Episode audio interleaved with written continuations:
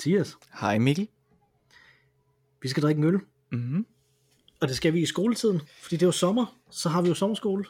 Ja, Det Det er jo- Vi har ikke annonceret det i forvejen den her Nej, gang. Det er nej. den første episode i sommerskolen. Øh, men det er også fordi, det er en low-key sommerskole, hvor der har været lidt kamp over de to tidligere sommerskoler jo. Hvem vidste mest om en bestemt historisk periode? mm. Øh, ved den første og ved den anden der, kan den ene overbevise den anden om, at Bob Dylan er den bedste. Øh, og øh, den her gang, der i stedet, så skal vi, øh, så skal vi simpelthen prøve at, øh, at snakke om en ting, vi godt kan lide fra hver af vores fagområder. ja. Øh, så, øh, og det gør vi så to gange hver, sådan så du har simpelthen to øh, ting, der har noget med teater at gøre, Mm-hmm. øh, formodentlig et skuespil, det er lidt det, vi har snakket om i hvert fald, og jeg Ja. har to ting, der har noget med computerspil at gøre, formodentlig et computerspil. Ja. Mindst et computerspil, lad mig sige det sådan, øh, per gang. Øh, Og på den men, måde er det jo den, på den måde er det jo den gode sommerskole, ikke? Det er jo der, hvor, øh, hvor man får et frirum fra den almindelige skole og møder passionerede undervisere, som faktisk virkelig brænder øh, for deres fag. Det er jo det, Altså, vi det er sådan mere et, øh, det er mere et sommerkursus på en højskole, end, øh, end det er en sommerskole på den måde, ikke? Ja, bare med, med færre øl involveret, trods alt. Ja, er væsentligt færre øl involveret. Ja. Den øl, vi skal drikke i dag, øh, du har valgt øllen øh, Ja, her. ja. Det er, du har faktisk snakket, jeg ved ikke, om du har snakket om den på podcasten, men du har snakket meget om den ellers. Ja. Det er en Albani 1859, det er den her Mm. mm. godt bryg-serie, som, Mm-hmm. som prøver at lave sådan ligesom i gamle dage Mm. øh, her. Og den her, det er så 1859 blev til i anledning af Albani øh, Bryggeriernes 150 års jubilæum, så det var den her udgave af den. Ja. Øh, Albani har været en del af krostuer, spisestuer og andre fine steder siden 1859. Vi har lavet os inspirere af vores rødder til denne runde og mørke lagerøl. Og det er jo deres classic, øh, mm. Hvis man kan sige det, eller deres Carl Special, ikke? Altså den der sådan, øh, som de er stolte af på Fyn. De er meget Ja. stolte af 1859, og øh, den øh, smager også godt, så vidt jeg kan huske. Øh, Ja, der er jeg, lidt- jeg tror ikke, jeg har smagt den. Det, er jo, det er jo underligt, at den hedder 1859, og så står der ovenover, at det er arven fra 1832. Ja. Øh, men må ikke det er fordi, at 1832 sikkert er der, man begyndte at brygge øl på sådan en moderne måde i Danmark. Mm. Og så er det sådan en generel øh, label. Arven, jo, ja, det kan det være, selvfølgelig. det, det kunne faktisk godt det være. her godt bryg. Øh, Ja. øh, Det kan faktisk Jeg godt være. synes, det- ja. det er lidt svært helt, fordi at, at der, hvor der står Albani i 1859, det må det være. Altså den runde ting der, det må være den label, der var dengang. ja, og det er også den, øh, altså, denne her er jo ikke købt i, på Fyn. Altså, man kan godt købe en helt almindelig øl i Odense, hvor at der er denne her brune label, hvor der ikke er godt bryg. Altså, hvor det simpelthen bare er en Albani 1859. Mm-hmm. Øh, så jeg tror, det her er sådan, ja, du har ret, en, øh, det står faktisk også bagpå, Mm. at det blev grundlagt i 1832. Godt brugt. Ja, ja. Ja, det er det rigtigt. Ja, det står deroppe. Ja, ja. Så Godt. du har jo helt ret i det. Yes, yes. Nå, Godt. nu, for, nu fortæller vi. Jeg skal Ja. ja. ikke åbne. Jo, det skal vi.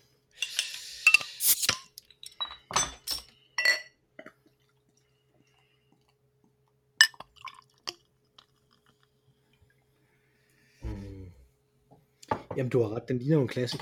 Eller en Carl Special eller noget af den stil. Ja, måske mere en, en special i virkeligheden, ikke? Altså sådan lidt mørkere end klassikken. Den dufter sødere end dem dog. Det kan jeg ikke, det kan jeg ikke huske. skummet smager også sødere. Ja, jeg kan, jeg kan ikke huske øh, hverken, hvad de smager. Jo, en classic, den, dem drikker jeg øh, Mm. ret jævnligt. Carl Special rører stort set aldrig ved.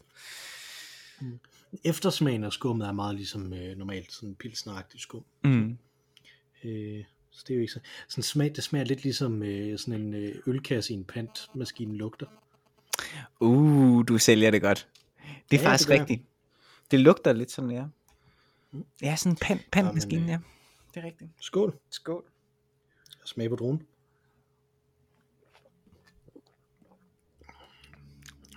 Den er god, fyldig. Men meget sød. Det er jo næsten en hvidøl. Det er næsten en hvidøl Ja. i smagen, synes jeg. Ja. Hold da op. Ja, helt set. Den vil vi ikke anbefale, hvis man ikke kan lide nisseøl. Nej, det, øh, det må man sige. Det er sandt. Ja. Du er jo skolemesteren i dag. Jeg er jo skolemesteren i dag, og jeg synes jo, det var, det var passende med en, øh, med en, med en Odense øl, synes jeg, fordi øh, som øh, man jo nok efterhånden kunne regne ud, øh, selvom jeg t- vist aldrig har sagt det eksplicit, så arbejder jeg jo altså på et odenseansk øh, teater. Og, øh, og øh, i den kommende sæson, der er det sådan, at vi skal spille det teaterstykke, som jeg vil tale om i dag. Øh, og jeg kan lige så godt lægge ud med det samme og sige, det er Bertolt Brechts Laser og Pjalter. Nej, Øh, tillykke, ja. fristet mig til at sige, Ja. at du får lov til at sætte på. Præcis.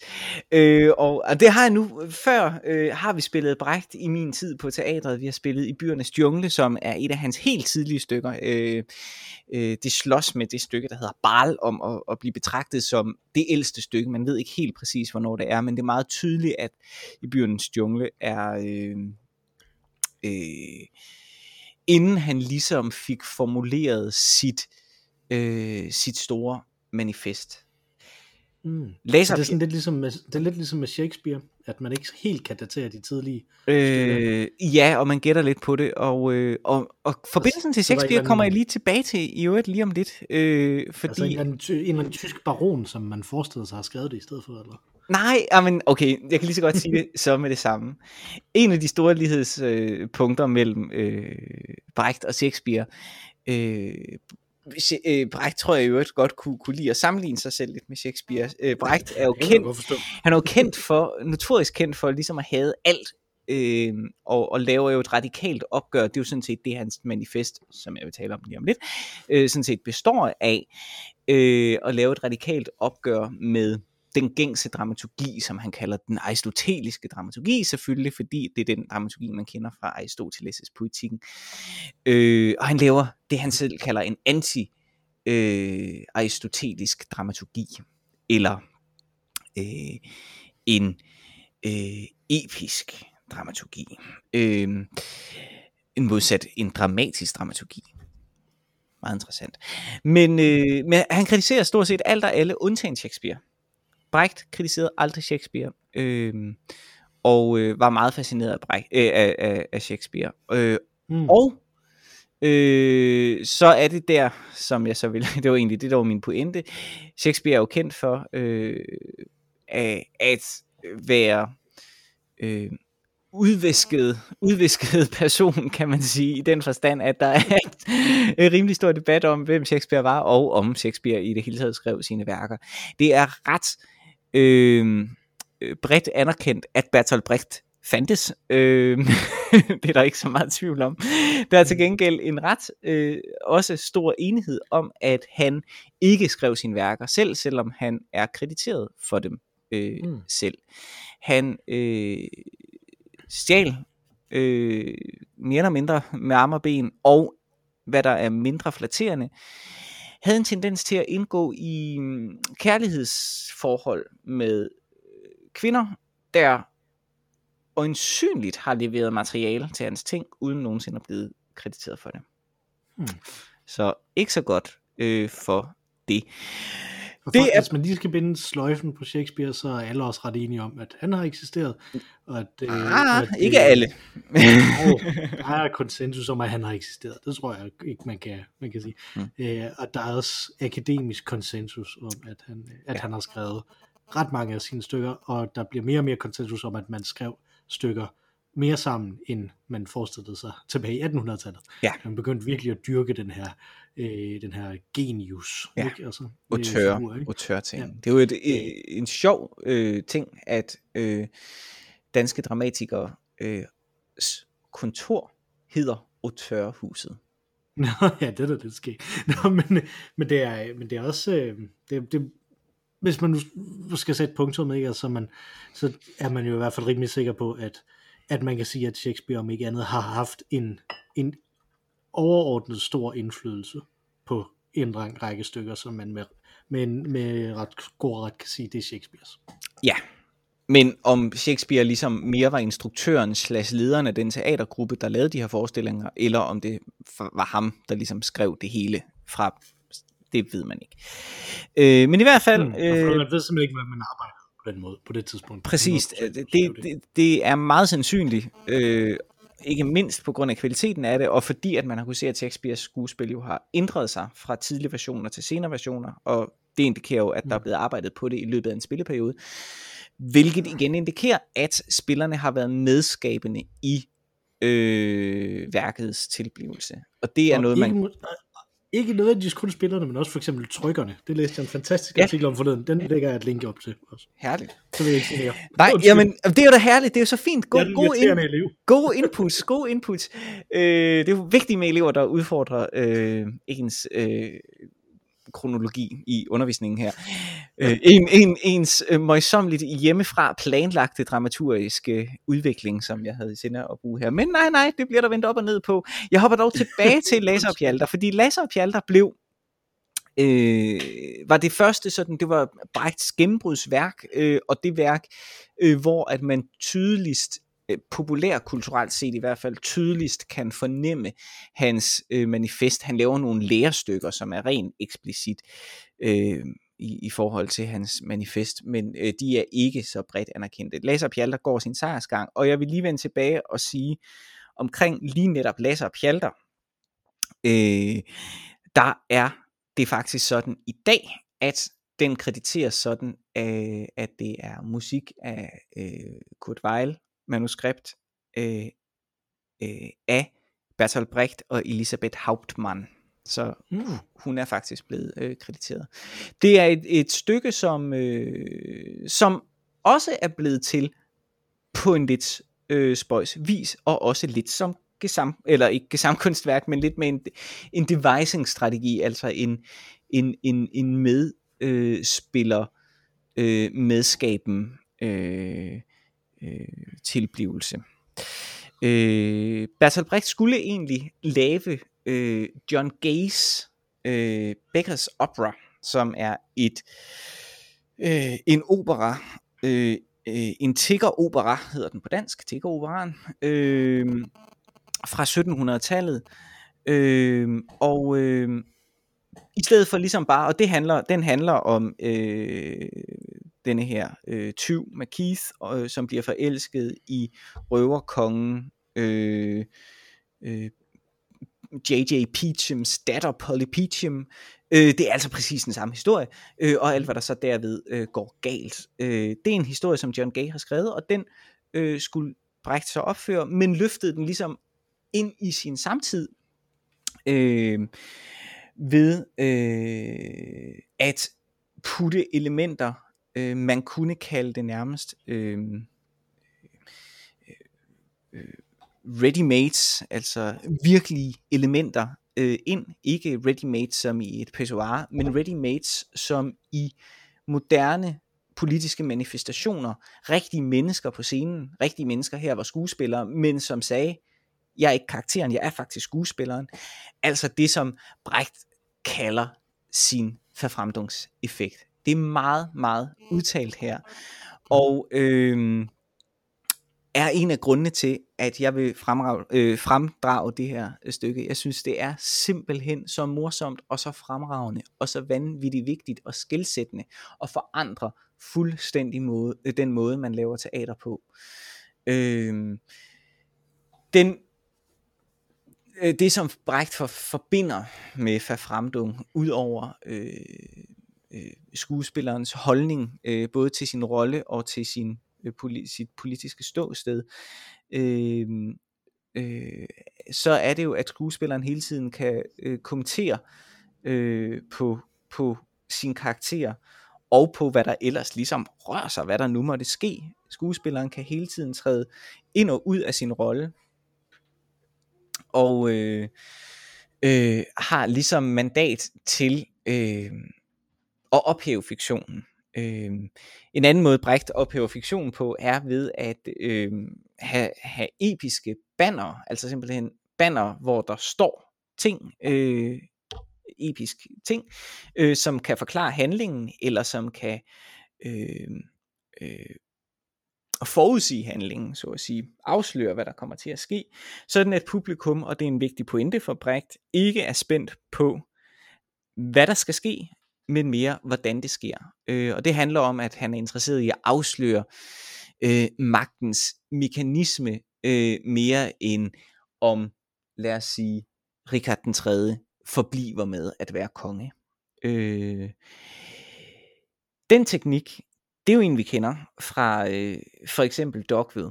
Øh, en af grundene til, at jeg kom til at holde så utrolig meget af Brecht, er jo netop Lars von Triers film øh, Dogville, som jo er en film fortalt i ni kapitler og en prolog. Så kommer der et skilt frem, hvor der står prolog, her i hvor bla bla bla bla bla, og så videre sker. Så den fortsætter øh, filmen øh, hele vejen igennem, indtil man når hen til sidste øh, kapitel, hvor der så står 9. kapitel, hvor i bam, bam, bam, bam, og filmen får sin slutning. Øh, det er en klassisk fremdungsteknik, hvor vi altså som publikum bliver mere optaget at se, hvordan tingene sker, hvad det er for en mekanisme, der får tingene til at ske, end hvad der sker. Det fjerner altså vores øh, indlevelse i spænding. Vi behøver ikke at, at, at sidde ude på stolekanten og være spændt på noget. Vi behøver ikke at fortabe os i øh, denne her øh, pigerne øh, effektfuldhed. Vi kan derimod læne os tilbage med en cigars afstand, som Brecht ville sige, til handlingen og reflektere samtidig med, at det udspiller sig øh, for en af os. Det er en vigtig pointe. En anden øh, relation, som Dogville i øvrigt havde til Laser og Pjalter, og det er også meget interessant, det er jo den sang, der hedder Sørøver Jennys sang. Kender du den, Mikkel? Det kan du tro, at jeg kender den. Mm-hmm. Den er et clue, et omdrejningspunkt i et helt kapitel af, det, af Bob Dylans selvbiografi. Og han snakker om, at det, er, øh, at det er en sang, som der åbner hans uh, sind for, hvad sange kan. Ja. Øh, og, det er, og det kan jeg i den grad godt følge, fordi at den, øh, at, at den jo hopper på en meget underlig, mystisk måde imellem, øh, imellem fantasi og virkelighed. Og så. Ja, og, og i særdeleshed jo, hvis man ser på, hvilken kontekst det ligesom er i stykket. Hvis man læser sangen, Sørøver Jens sang handler sådan set om, det handler om en, øh, om en øh, servitrice, der står på et hotel øh, og øh, vasker glas og bliver behandlet helt forfærdeligt på det her hotel af alle mulige øh, gæster, men hun, hun øh, lader sig ikke kue af det, hun står lidt og smiler. Øh, og så øh, en dag, så begynder der at komme sørøverskibe ind til den her by, på det her hotel, hvor hun, øh, hun øh, er, og, og sørøverne, de begynder at øh, bombardere byen, og alle i byen far forvildet rundt, undtagen til vitrisen, hun står stadig og vasker glas og smiler. Øh, og så kommer sørøverne i land, og de øh, hugger alle øh, hoveder af, af, og så fører de så øh, nogle af de vigtigste i byen frem til hende her, og så spørger de så, hvad, med, hvad, hvad skal der ske med dem, og hun siger så, at de skal af med hovedet. Øh, og så er den ellers mm. meget, meget munter sunget, øh, sørøver øh, Jennys sang. Og det interessante er, at den udspringer lidt af ingenting i Laser og Pjalter. Den er ikke som... Øh, Laser og Pjalter er jo en musical, i den forstand, at det er et, et teaterstykke med en masse musik i, men øh, en anden måde, som Brecht ligesom laver sin forfremdung på, eller sin ikke-aristoteliske dramaturgi, det er ved at bryde på normen. Og Sørøver Jenny Sangs placering øh, i øh, Laser Pjalter øh, øh, illustrerer det meget godt. Øh, man kender fra gængse musicals på det her tidspunkt. Laser og Pjalter jo fra 29, tror jeg, noget den stil i hvert fald. Mm-hmm. Øh, øh, der kender man øh, sådan noget Cole Porter-agtig musical i, i USA. Øh, Øh, er det lidt tidligt til Cole Porter, er det ikke? Er det ikke mere Gershwin? Jo, altså, det er måske mere Gershwin. Jo, Porter kommer måske først i 40'erne. Pointen er den samme, det er så ja, letbenet, altså øh, letbenet løsspil, øh, hvor at der kan godt være handlingsfremdrivende sangeagtig i den forstand i hvert fald, at der kan ske noget sangene, som har en betydning for handlingen, men ellers mm. er det mere ligesom en illustration af en stemning eller en følelse. Her, der er det ligesom bare en sang, øh, der er der. Der ikke rigtig illustrerer noget, men står for sig selv som et politisk statement på en eller anden måde. Øh, øh, om kapitalismens øh, grusomhed for eksempel. Der er også flere sange der i, der handler om prostitution i den ene eller den anden forstand, og ikke sjældent i sådan en øh, øh, øh luder og trækker-agtig forstand, men mere øh, som i en, øh, hvem er du prostitueret for, øh, overfor, ikke? Øh, forstand. Øh, det er meget interessant. Og denne her sang, Sørø Jenny, øh, sangen om Sørø og Jenny, og, øh, er simpelthen hele fundamentet for filmen Dogville. Øh, så, som man jo nok kan gennemskue, da jeg fortalt øh, om sangens handling før, ikke? Altså Grace i Dogville er denne her, som ved, gangsterne kommer, gangsterne kommer.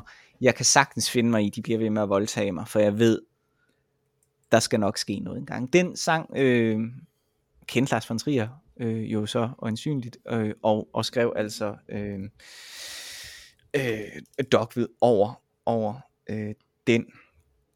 Øh, jeg kan godt lide, du siger øjensynligt, fordi nu, nu sagde jeg det med Bob Dylan før.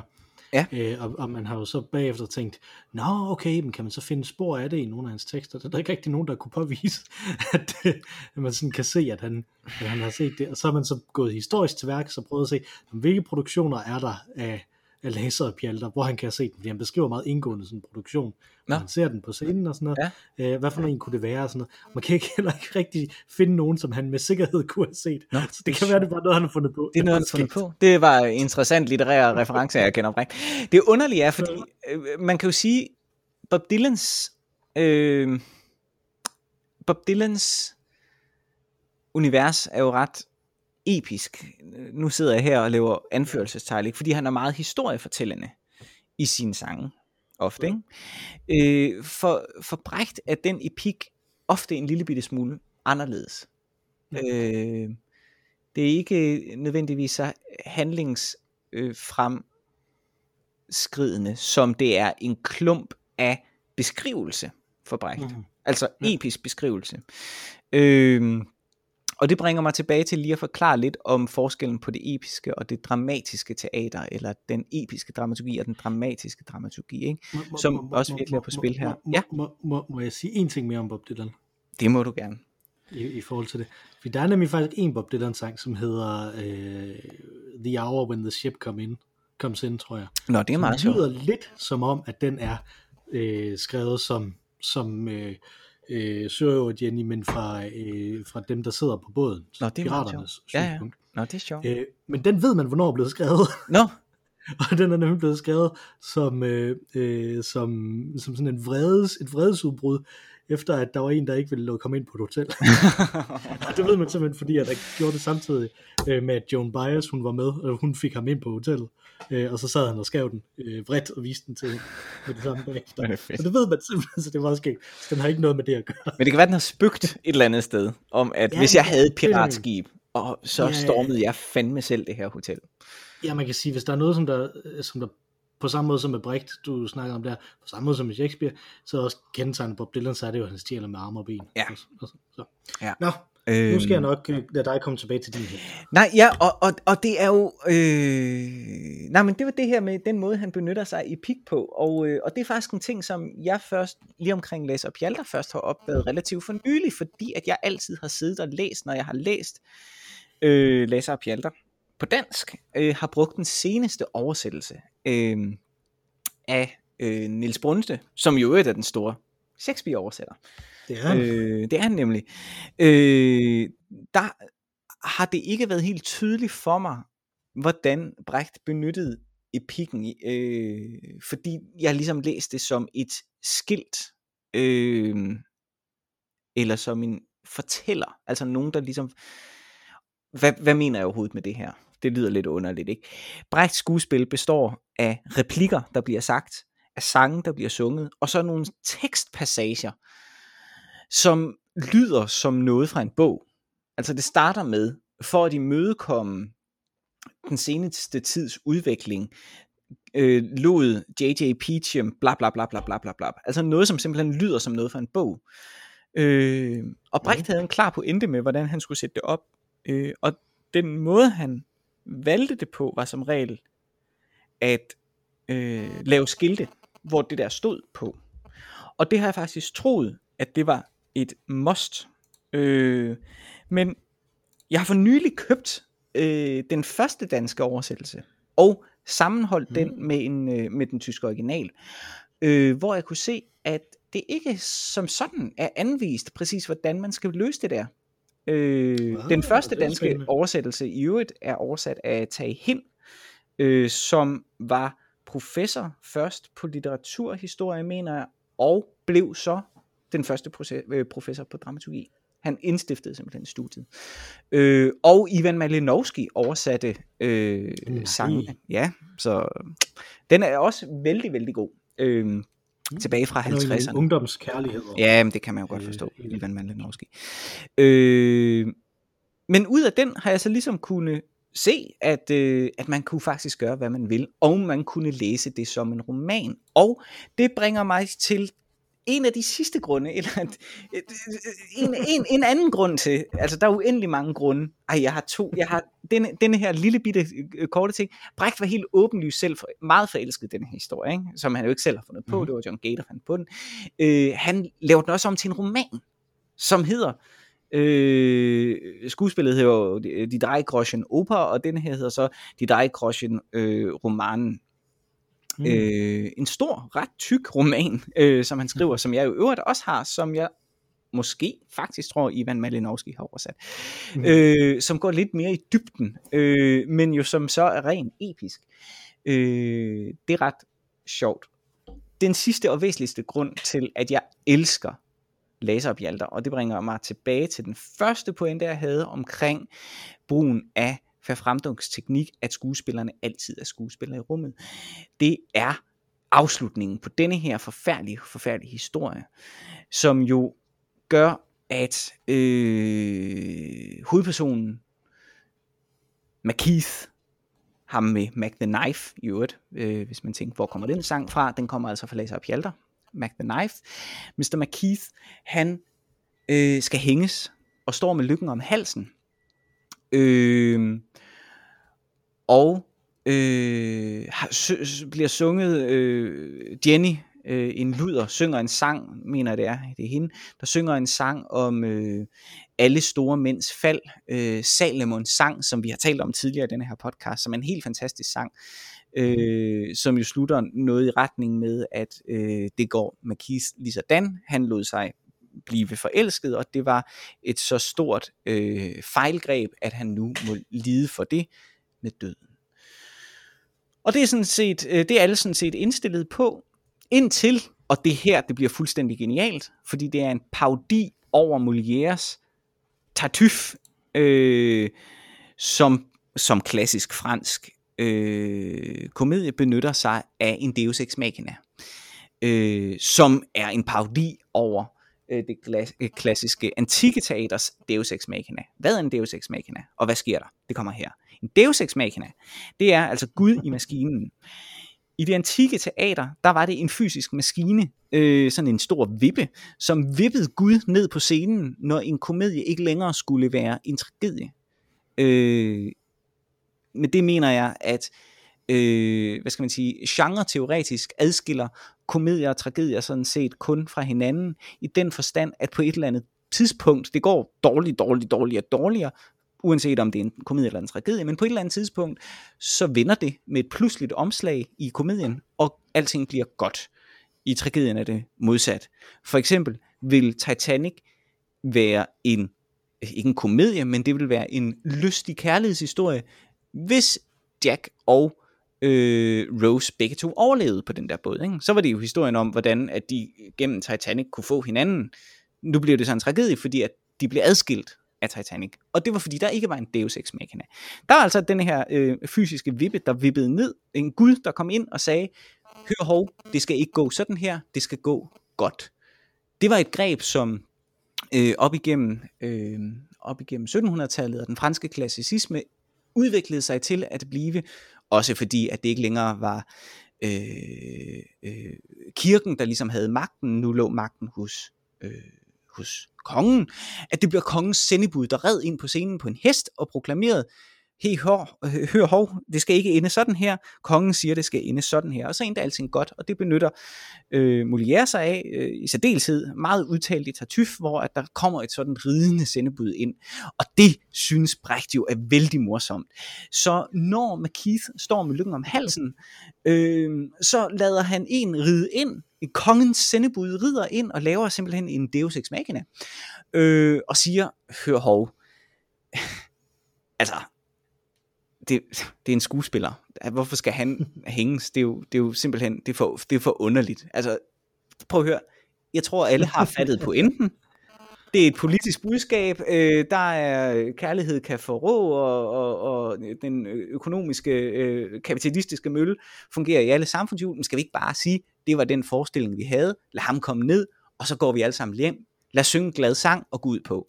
Og så siger de, jo, fair nok, så gør vi det. Og det er jo virkelig, virkelig vanvittigt morsomt. Det er der ingen tvivl om. Deus Ex Machina er noget, som bliver brugt alt for lidt. Toy Story 3 bruger det. Derfor elsker jeg Toy Story 3 overalt på jorden. Med klon. Øh, Laser Pjalter bruger det fuldstændig eksemplarisk. Øh, og der er mange grunde til, der er jazzmusikken, der er rigtig mange grunde til at elske Laser og Pjalter, og man bør læse Laser og Pjalter, for den er helt fantastisk. Men la, øh, Deus Ex Machinaen, brugen af Deus Ex Machinaen som et redskab til forfremdung, øh, det er bare lækkert. Mere har jeg ikke at sige for nu. Glimrende, glimrende. Øh, vil, vil, du, øh, vil du have et enkelt spørgsmål, inden vi stopper? Mm-hmm, mm-hmm. Øh, fordi at, at jeg, synes, jeg synes jo, det er skægt det her med, at øh, Brecht han siger, at han er sådan anti-aristotelisk. Ja. Øh, og det kan man vel se i, i den måde, at han, at han jo netop ikke er, er, er, er aristotelisk, kan man så må sige. Det er ikke ham fremmed, fordi han bruger nogle af de her virkemidler. For eksempel det her Deus Ex Machina, som jo også er sådan en ting, som, som bliver peget på af Aristoteles, hvis jeg husker rigtigt, ikke? Nej, for han beskriver jo ikke øh, komedien. Nå, okay. Eller vi har det ikke nedfældet, men vi kan se det i, hos, i, i, de, i de græske øh, ja. komedier. Vi kan læse ja, okay. også, at de var der, men han rører ikke ved det, så vidt jeg husker. Ja. Der er i hvert fald noget med det græske der, ikke? Og, der, og det leder mig faktisk videre til det næste, ikke? Altså, mm-hmm. så, som var det, du siger med, at han vil gerne annoncere, hvad det er, der sker, sådan, så man ikke sidder og tænker over plottet. Mm-hmm. Og det er jo den samme ting, som man siger med græsk øh, teater, at, øh, at, at det er jo også, folk vidste godt, hvad der skulle ske, Ja. De kom ind for ligesom at få nydelsen af katarsis og den slags. Ikke? Er, det, er det, som han vil, er det at grave tilbage bag Aristoteles og finde noget andet drama? Så, eller hvad er øh, nej, jeg tror faktisk, Aristoteles ligger blot navn til, øh, fordi han teoretiserer over det. Det er egentlig ikke det er egentlig ikke et angreb mod de antikke dramatikere som sådan. Jeg hmm. tror, hans store problem er læsning. Ja. Altså den øh, klassicistiske og øh, oplysningsidealistiske måde at læse Aristoteles på. Når han siger anti-Aristoteles, så er det fordi Aristoteles beskriver meget i poetikken, hvordan at man leder efter en, en spænding, der kan fastholde en i handlingen. Og det er Brecht virkelig ikke interesseret i. Vi skal ikke fastholdes i handlingen. Vi skal rives fri. Altså vi skal, vi skal være frie som mennesker. Vi skal ikke holdes fast af noget. Vi skal heller ikke underholdes. Det er jo et frygteligt begreb, at der er noget, der holder noget under en. Ikke? Eller endnu værre på engelsk, hvor det lyder som om entertainment ligger så tæt op af øh, sådan containment. Ikke? Altså, øh, det, der, der er noget med, at man bliver ja, låst nede, så at sige, af den måde at fortælle på, som det aristoteliske drama repræsenterer. Og det er sådan set det, det er et opgør imod. Mm. Øh, og den er, er Aristoteles jo desværre så, fordi han benytter sig af at beskrive øh, dramaturgien og virkemidlerne i det antikke øh, teater.